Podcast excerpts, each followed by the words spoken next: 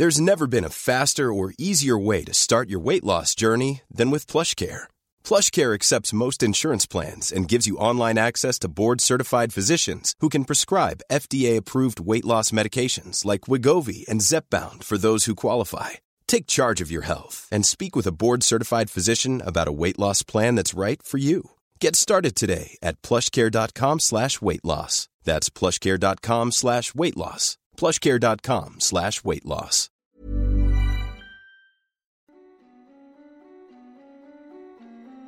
Hej och välkommen till Skräckstunden. En podcast för dig som älskar skräck.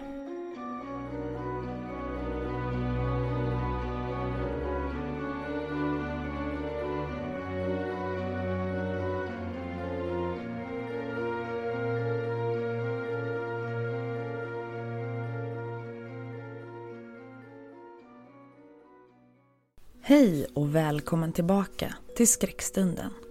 Idag slår jag upp portarna till säsong 2 och jag tänkte inte börja milt utan istället välja att inviga den här säsongen med ett ämne som jag vet att väldigt många fruktar men också som varit väldigt önskat ifrån er lyssnare. Vi ska ta oss nära vatten, kanske in under ytan och vi ska besöka sjöarnas paradis, eller helvete. Vi ska prata mörkt vatten vad som kanske finns i vattnet som är okänt för oss. Dagens avsnitt är i samarbete med Miramir förlag och berättelserna i veckans avsnitt är ifrån antologin Sjön som är utgiven utav just Miramir förlag. Så tack Miramir för veckans samarbete. Jag tänkte inte prata mycket mer. Vad mer finns att säga? Du vet vad vatten är, men du kanske inte vet vad som finns där i. Kanske lär du dig någonting nytt. Och mest troligt som du önskar att du aldrig behövde höra. Veckans avsnitt har jag valt att kalla Sjön. Och nu drar vi igång säsong två. Så välkommen tillbaka till skräckstunden.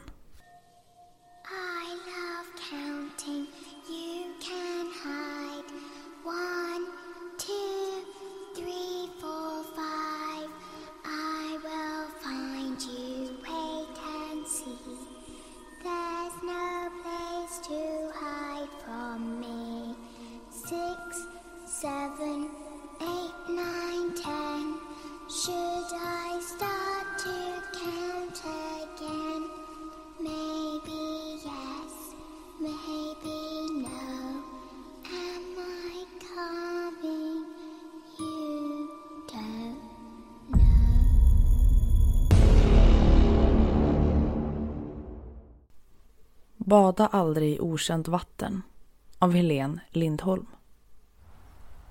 Anna smällde till bromsen som just tagit en stor tugga av köttet i hennes nacke och skakade bort den krossade insekten från handen med ett äcklat ljud.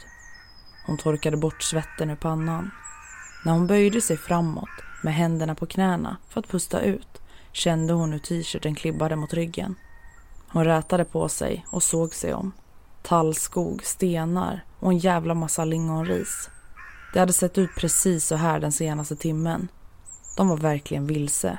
Peter hann ifatt henne och kastade ifrån sig ryggsäcken i lingonriset. Vad fan skulle vi ut i skogen och göra på årets varmaste dag? Vi kommer aldrig att hitta bilen igen. Och inte har jag någon mottagning heller. Han höll upp sin iPhone i luften och viftade med den, sökande efter en enda stapel. Nix. Anna bet ihop om sina syrliga kommentarer. En lång tur i skogen hade låtit trevligt och han hade minsann inte varit sen att nappa när hon föreslagit det. Hon satte händerna i korsryggen och tände ryggen bakåt för att försöka få bort stelheten som kommit efter flera timmars konkande på ryggsäcken med fika i. Såklart att kvinnan skulle bära maten, så jävla kliché. Anna kisade för att se bättre. Visst var det någonting som glittrade mellan trästammarna? Hon pekade. Kolla, är det en sjö? Visst glittrar det mellan träden? Hon tog upp den skrynkliga kartan för att försöka använda sjön som hållpunkt. Medan hon försökte få rätsida på var de befann sig hastade Peter förbi henne och skyndade åt det håll hon pekat åt. Ja, jublade han när han också såg det löftesrika glittrandet. Jag ska bada, fy fan vad jag är varm. Vänta, vänta då! Anna knölade ner kartan i shortsfickan och plockade sedan upp hans ryggsäck innan hon gick efter så snabbt hon kunde. I Peters kölvatten plockade hon upp de kläder han kastat av sig under språngmarschen mot den lockande svalkan.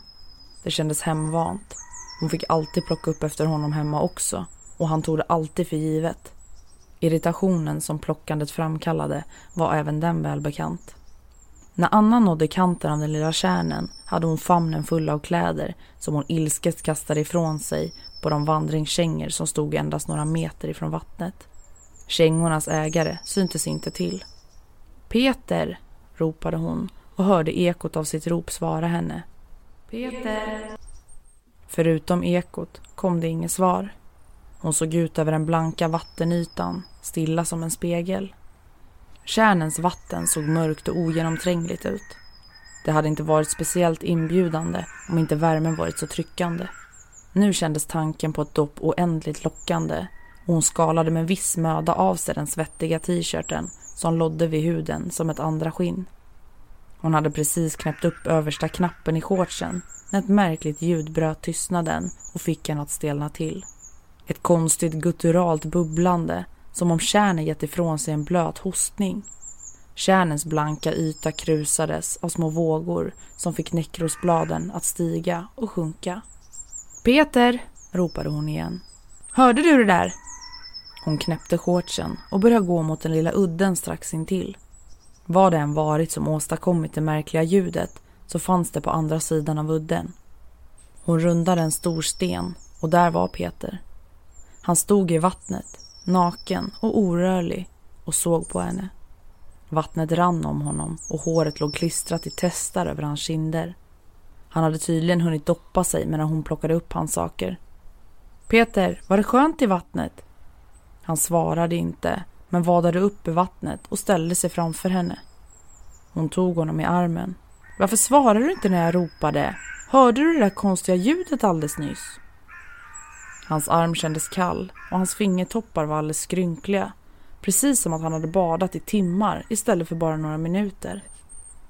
Peter, är du okej? Okay? Han såg uttryckslöst på henne men sa fortfarande ingenting. I fjärran hördes ett svagt muller och när hon såg mot horisonten kunde svarta åskmoln skönjas. De kom snabbt närmare. Hon la handen på hans bröst. Iskall. Du måste klä på dig. Vi måste härifrån innan åskvädret kommer. När han inte reagerade tog hon honom vid handen och drog honom med sig mot stället där hon lämnat hans kläder.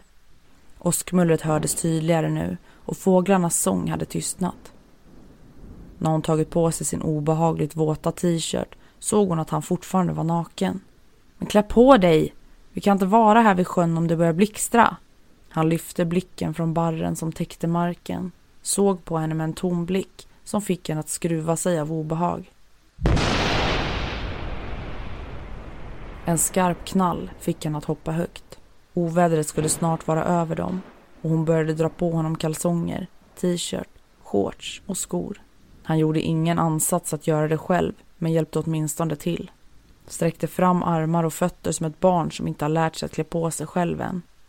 När hon knutit det sista av hans skosnören ledde hon honom mot en lucka i den täta ridån av tallar. Anna höll nästan på att börja gråta av lycka när en liten grusväg uppenbarade sig mellan träden. Minsta tecken på mänsklig närvaro fick henne att hoppas att de skulle hitta hem. Vägen måste leda någonstans. De hade gått under tystnad i 20 minuter, jagade av åskmolnen som stadigt närmade sig, när Anna hörde ljudet av en bilmotor. Anna drog hårdare i Peters hand, som när man drar en motsträvig hund med sig i koppel. En rostig kinkab rundade en kurva. Anna viftade med armarna för att de skulle synas, trots att bilen endast var tio meter framför dem. Föraren stannade bilen, hissade ner fönstret och lutade sig ut. Gud vad skönt att se dig. Vi är vilse. Vår bil står på parkeringen vid Döda Fallens camping. Föraren, en medelålders man som trots den tryckande värmen var klädd i en orange Helly Hansen-jacka, kliade sig i huvudet. Det var en bra bit bort. Vilken tur att jag kom. Skulle bara kolla till mitt älgpass. Hoppa in! Regnet hade börjat falla med stora tunga droppar på Kingcabens vindruta i samma stund som de satte sig i bilen.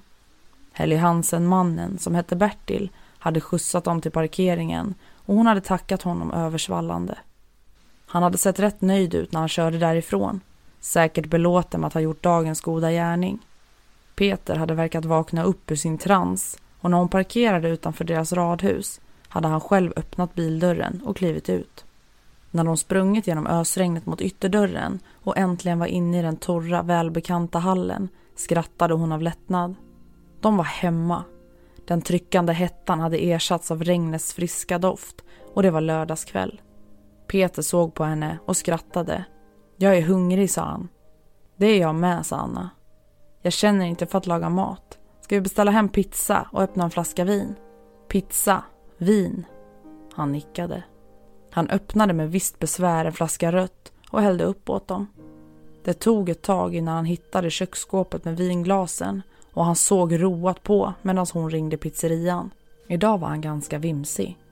Efter att ha beställt en Vesuvio åt sig och en kebabpizza med stark sås och extra ost till Peter så drog hon med sig honom till soffan. Skål, sa hon och höjde glaset. Jag tror aldrig jag har varit så glad åt att vara hemma. Han lyfte glaset och tog sedan en försiktig klunk. Hon såg hur han rynkade pannan när han svalde vinet. Han tog en klunk till och sen en till. Hans glas tömdes i ett svep och han log mot henne med vinblåa tänder. Gott! Hon skrattade och hällde upp mer i hans tomma glas. Han svepte vinet och smackade uppskattande. Ta det lugnt, sa hon. Bli inte full nu. Jag kanske har användning för dig lite senare. Hon blinkade menande och strök handen över hans lår. Han rynkade åter pannan som om han bedömde känslan hennes beröring väckt. Han sträckte sig efter henne men hejdade sig när det ringde på dörren. Maten hade anlänt. Han åt pizzan med samma iver som han hade druckit vinet. Stora tuggor och med njutningsfulla små läten. Pizzan försvann i rekordfart. Till och med för Feronin som hon glömt avbeställa och som han i vanliga fall brukar peta bort.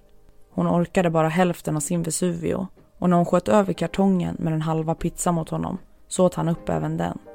Skogspromenader gör dig visst helt utsvulten, sa hon och skrattade. Det var gott, sa han och rapade. Finns det mer? Det var gott. Hon såg häpet på honom. Under t-shirten kunde hon se hur hans vanliga platta mage putade, stinn av mat. Är du fortfarande hungrig? sa hon och la handen på hans mage.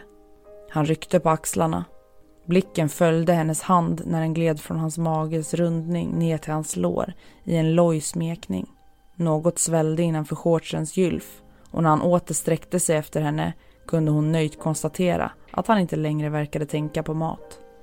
När Anna vaknade på söndagen ömmade det mellan hennes ben och bröstvårtornas ömtåliga hud kändes rå och svullen. Det var inte en oangenäm känsla ändå. Hon log vid minnet av natten. Peter hade varit helt omättlig och de hade inte somnat förrän framåt småtimmarna. De hade öppnat ännu en flaska vin och trots att Peter skälpt i sig nästan hela på egen hand hade det inte påverkat hans förmåga negativt. Snarare tvärtom. Hon hade lagat äggröra och bacon åt honom som en slags nattlig brunch och han hade satt i sig alltihop innan han åter var redo för älskog omättlig på alla områden. Så här hade hon aldrig sett honom förut. Skogsturer kanske var rena dunderhåningen för potensen, tänkte hon och sträckte på sig. Hon såg på Peter som fortfarande sov djupt, sträckte fram handen och smekte honom över håret. Förbluffad drog hon tillbaka handen. Hans hår var genomvått, som att han precis kommit ut ur duschen. Hon kände på hans panna. Den var torr och sval. Det var inte febersvettningar alltså. Märkligt.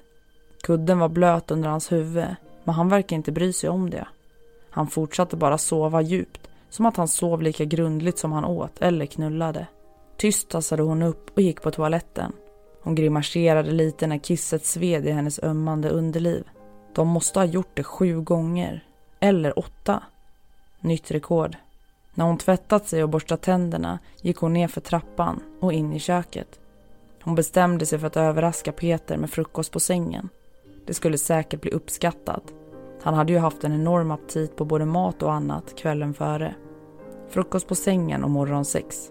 Anna kände hur tanken var lockande trots svedan i hennes utmattade kön.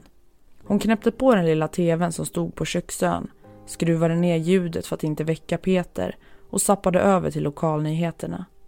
Ur kylskåpet tog hon fram ägg, ost, marmelad och smör. Äggröra och rostat bröd. Det fanns inget bacon kvar tyvärr. Kanske färskpressad juice? Anna sköljde ur stekpannan som stod kvar på spisen och satte på plattan. Hon knäckte sex ägg i en skål, hällde i en skvätt mjölk och rörde om med en gaffel medan hon såg på tv-skärmen. Lokalnyheterna hade just börjat. Vispandet avtog när hon såg en välbekant syn uppenbara sig på tvn. Hon höjde ljudet för att höra nyhetsuppläsarens röst. Kameran panorerade över en svart, blank yta. När bilden zoomade ut visade den en liten skogskärn vars stilla yta reflekterade blinkande blåljus från ambulans, räddningstjänst och polis. Tidigt i morse hittades en man drunknad i en liten skogstjärn strax norr om Avesta. Mannen var naken och märken på kroppen gör att polisen misstänker brott. Polisen behandlar detta som mord, alternativt dråp. Kroppen hittades av en skogsägare som skulle se till sitt älgpass. Bilden av kärnen ersattes av en närbild av Helly Hansen-mannen Bertil. Han såg skärrad ut, men svarade genast på reporterns frågor. Jag skulle se till mitt älgpass. Skulle egentligen ha gjort det igår, men det började ju spöregna. Jag skulle vända bilen vid sjön och då såg jag något som flöt. Inte fan kunde jag tro att det var en människa. Och jag kände igen honom. Jag skjutsade honom igår. Han och en tjej. Vad gjorde du när du hittat kroppen? Jag for hemåt och ringde 112. Man kan inte ringa här uppe. Ja jävlar, frugan trodde inte det var sant när jag kom hem och ringde. Men varför kom han tillbaka? Jag skjutsade honom ju när det började regna.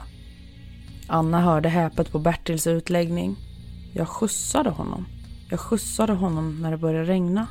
Köksgolvet knarrade och när Anna vände sig om Have catch yourself eating the same flavorless dinner three days in a row? Dreaming of something better? Well, HelloFresh is your guilt-free dream come true, baby. It's me, Gigi Palmer. Let's wake up those taste buds with hot, juicy pecan-crusted chicken or garlic butter shrimp scampi. Mm. Hello Fresh. Stop dreaming of all the delicious possibilities and dig in at HelloFresh.com. Let's get this dinner party started. If you thought the only way to get a more defined jawline with natural looking results was through surgery, think again. Juvederm Volux XC is a non surgical injectable gel filler that improves moderate to severe loss of jawline definition and can help you achieve natural looking results with little downtime. Even better, this improved definition lasts up to one year with optimal treatment. No maintenance required. Improve jawline definition for a smooth, sculpted look with Juvederm Volux XC. For important safety information and to find a licensed specialist, visit juvederm.com. That's J U V E D E R M.com. Not for people with severe allergic reactions, allergies to lidocaine, or the proteins used in Juvederm. Common side effects include injection site redness, swelling, pain, tenderness, firmness, lumps, bumps, bruising, discoloration, or itching. There's a risk of unintentional injection into a blood vessel, which can cause vision abnormalities, blindness, stroke, temporary scabs, or scarring. Talk to a licensed specialist to find out if it's right for you. Såg hon att Peter stod där, endast en meter bort. Han såg på henne, sträckte sedan ut handen och tog bunken med äggsmet ur hennes orörliga händer. Han ställde den på bänken, fattade sedan tag om hennes ansikte med en gest som var oväntat öm, trots att den ändå var fast och orubblig. Hon kunde se hur det rann vatten från hans våta hår, strida strömmar som letade sig ner över hans nakna kropp. Vattnet samlade sig i en pöl runt hans fötter. Hans andedräkt luktade järn och lera. Handflatorna som trycktes mot hennes kinder kändes fuktiga och svampiga. Vattenlik, tänkte hon. Nu kunde hon se att hans ögon inte var blå längre. De var grönbruna. Samma färg som dyigt sjövatten.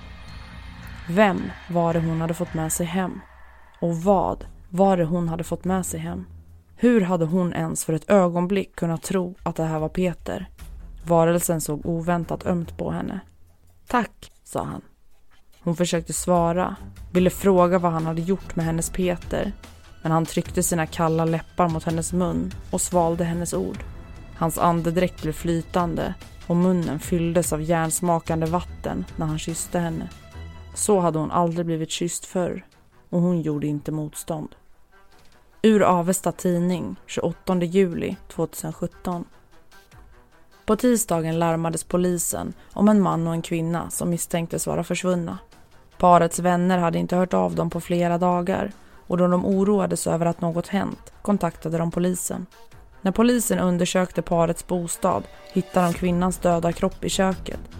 Enligt källor med insyn i utredningen föreligger märkliga omständigheter runt dödsfallet. När kroppen undersöktes visade det sig att hon dött av drunkning, hemma på sitt eget köksgolv. Lungorna var alldeles fulla av vatten. Grumligt, diigt sjövatten.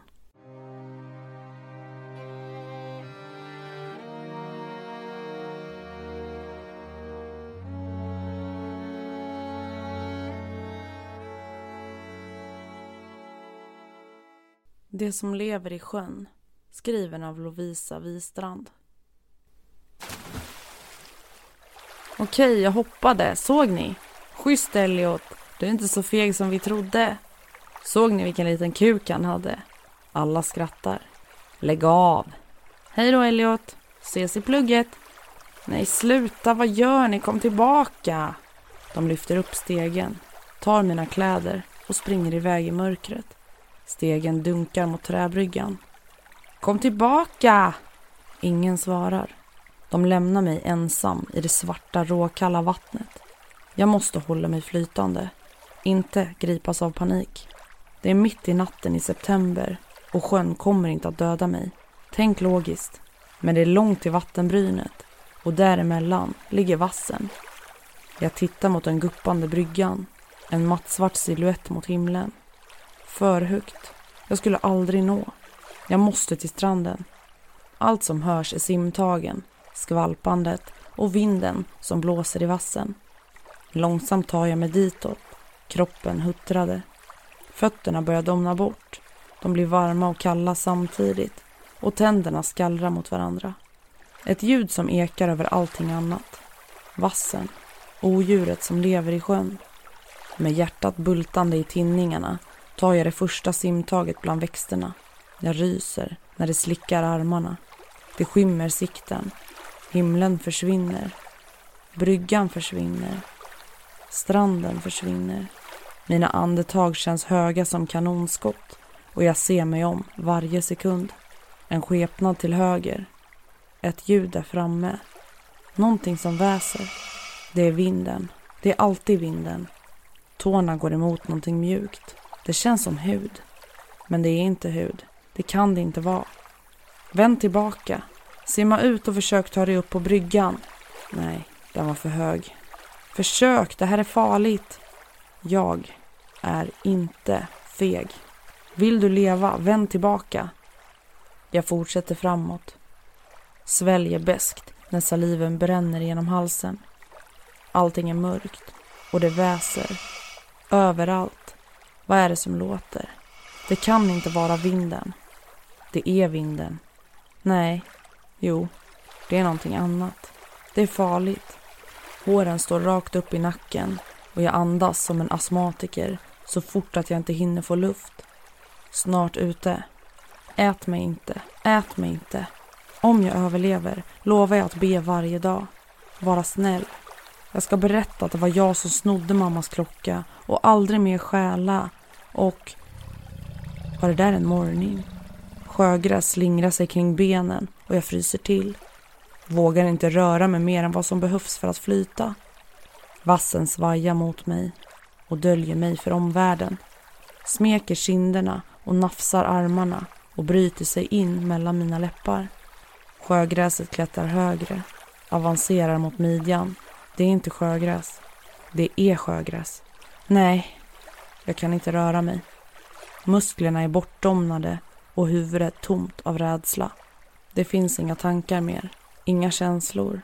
Bara jag, vassen och sjögräset under ytan. Och jag vet att det enda sättet att ta mig ur det här är att dyka ner och se efter. För jag sitter fast och behöver dra mig loss med händerna. Våga inte. Rör dig. Kämpa. Vänd om. Ett sista andetag. Och jag dyker ner i det kolsvarta vattnet.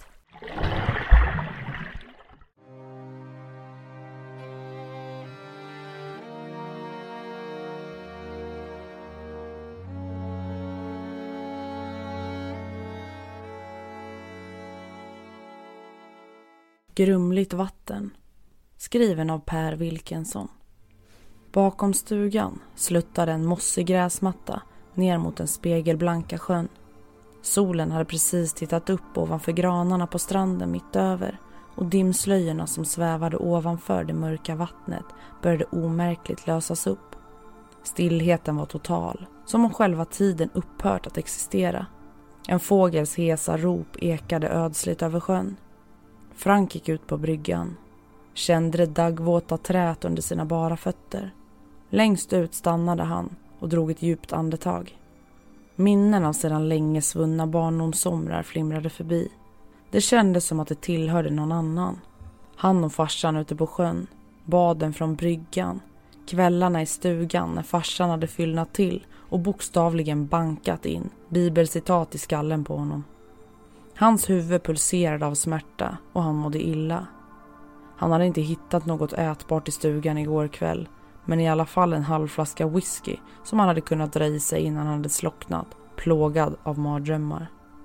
Från byn på andra sidan sjön, precis vid strandkanten där de röda husen med vita knutar mötte sin spegelbild, la en liten eka ut. Frank drog av sig sina smutsiga kläder för första gången på minst två dygn. De stank av svett och blod och Jorgos cigaretter. Han satte sig på bryggkanten och hasade ner i vattnet. Kylan omslöt hans kropp och han lät huvudet sjunka ner under vattenytan. Han andades ut ett moln av bubblor och sjönk djupare tills han stod på den dyiga bottnen. Runt honom bredde ett grumligt dunkel ut sig. Frank hade gärna stannat här nere för alltid och blivit ett med stillheten på sjöns botten. Men hans handlingar skulle inte bli ogjorda för att han upphörde att existera. Det skulle inte förändra någonting. En blek form krälade fram över bottnen längre bort i dunklet. Och där en till. Och en till. Förskräckt sköt Frank ifrån med båda fötterna men sjönk bara djupare ner i dyn. Sögs fast som om något höll honom kvar. Han öppnade munnen för att skrika men hade ingen luft kvar i lungorna och kände hur det unkna vattnet fyllde hans mun, letade sig ner i hans hals. Sprattlande lyckades han ta sig loss och i nästa ögonblick låg han hostandes på bryggan. När han hade återfått andan kravlade han sig upp på fötter och stapplade tillbaka mot stugan. En gubbe stod vid husknuten och kisade emot honom med ett obehagligt flin, helt ogenerad över Franks nakenhet. Frank drog med skakande händer på sig sina stinkande byxor. Först när han kom närmare gubben kände han igen farsan. Vad gammal han hade blivit. Jag trodde du var död, sa han och skakade vattnet ur örat. Frank hade suttit med Gorgio i Vasaparken när en stressad akutläkare från Mora lasarett hade lämnat beskedet om farsans död på telefon samtidigt som Alex hade vinkat på honom från lekplatsen. Flank, hade han ropat och Frank och Gorgio hade skrattat tillsammans. Så hade Frank gjort Alex sällskap, hjälpt honom att få riktigt hög fart på gungan. Dödsburet hade inte fått honom att känna någonting och nu var han närmast besviken över att det visade sig vara felaktigt. Jag tänkte ta en kopp kaffe, sa han. Vill du ha? Farsan svarade inte, men han följde med.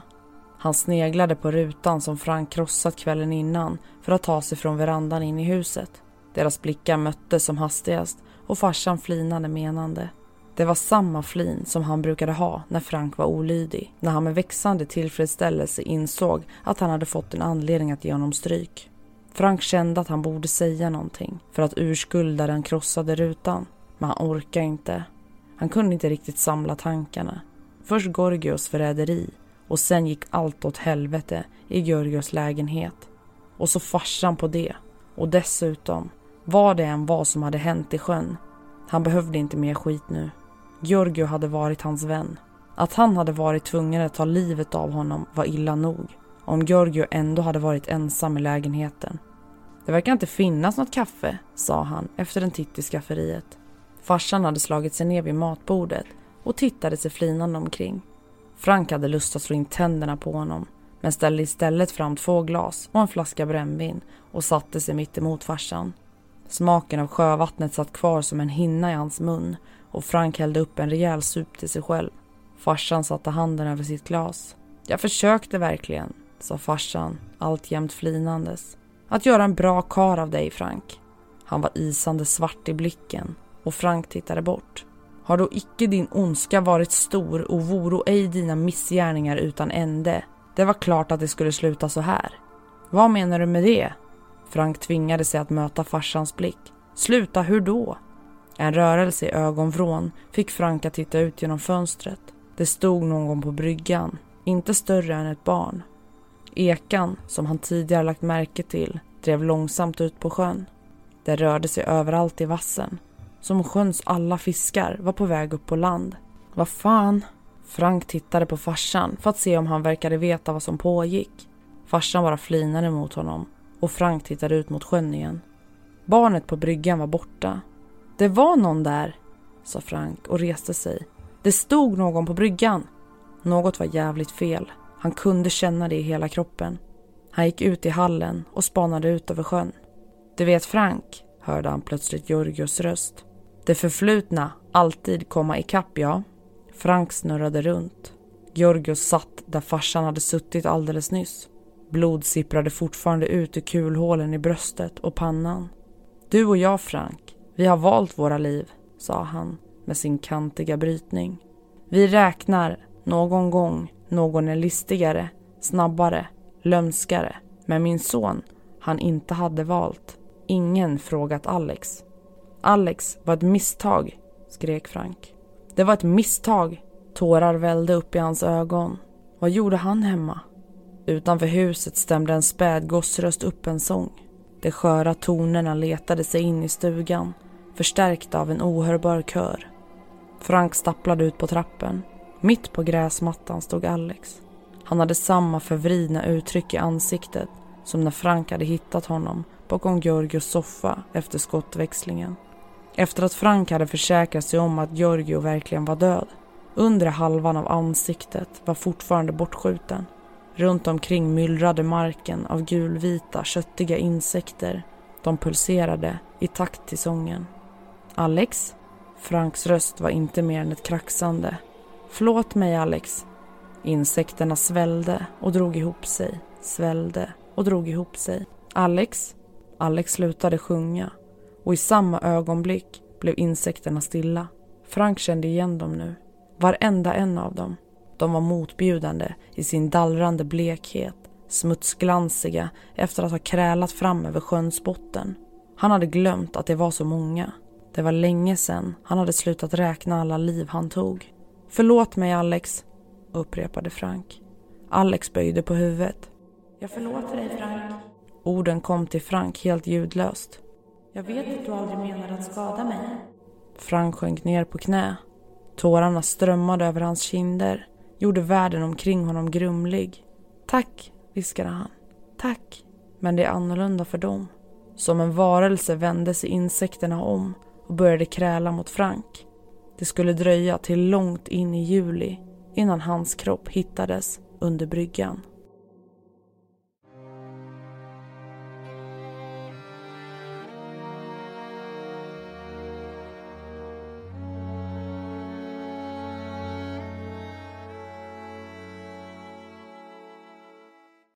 Vill du bli en del av Skräckstundens familj? Glöm inte då att gå in på Skräckstundens Instagram, där jag heter Skrackstunden, eller på Skräckstunden Eftersnack på Facebook. Där kan vi diskutera avsnitten och prata med varandra och ni kan även tipsa mig och berätta vad ni tycker och tänker om avsnitten. Du har hört tre stycken berättelser plockade ur antologin Sjön, utgiven av Miramir förlag. Så tack ännu en gång, Miramir. Du har nu lyssnat på första avsnittet av den andra säsongen av Skräckstunden. Nästa vecka ska vi prata spöken, andar och övernaturliga fenomen. Så jag hoppas att vi hörs nästa vecka. Tack för att du har lyssnat. Du har lyssnat på Skräckstunden. En podcast som får ditt blod att frysa till is. Ha en fin vecka så hörs vi snart igen.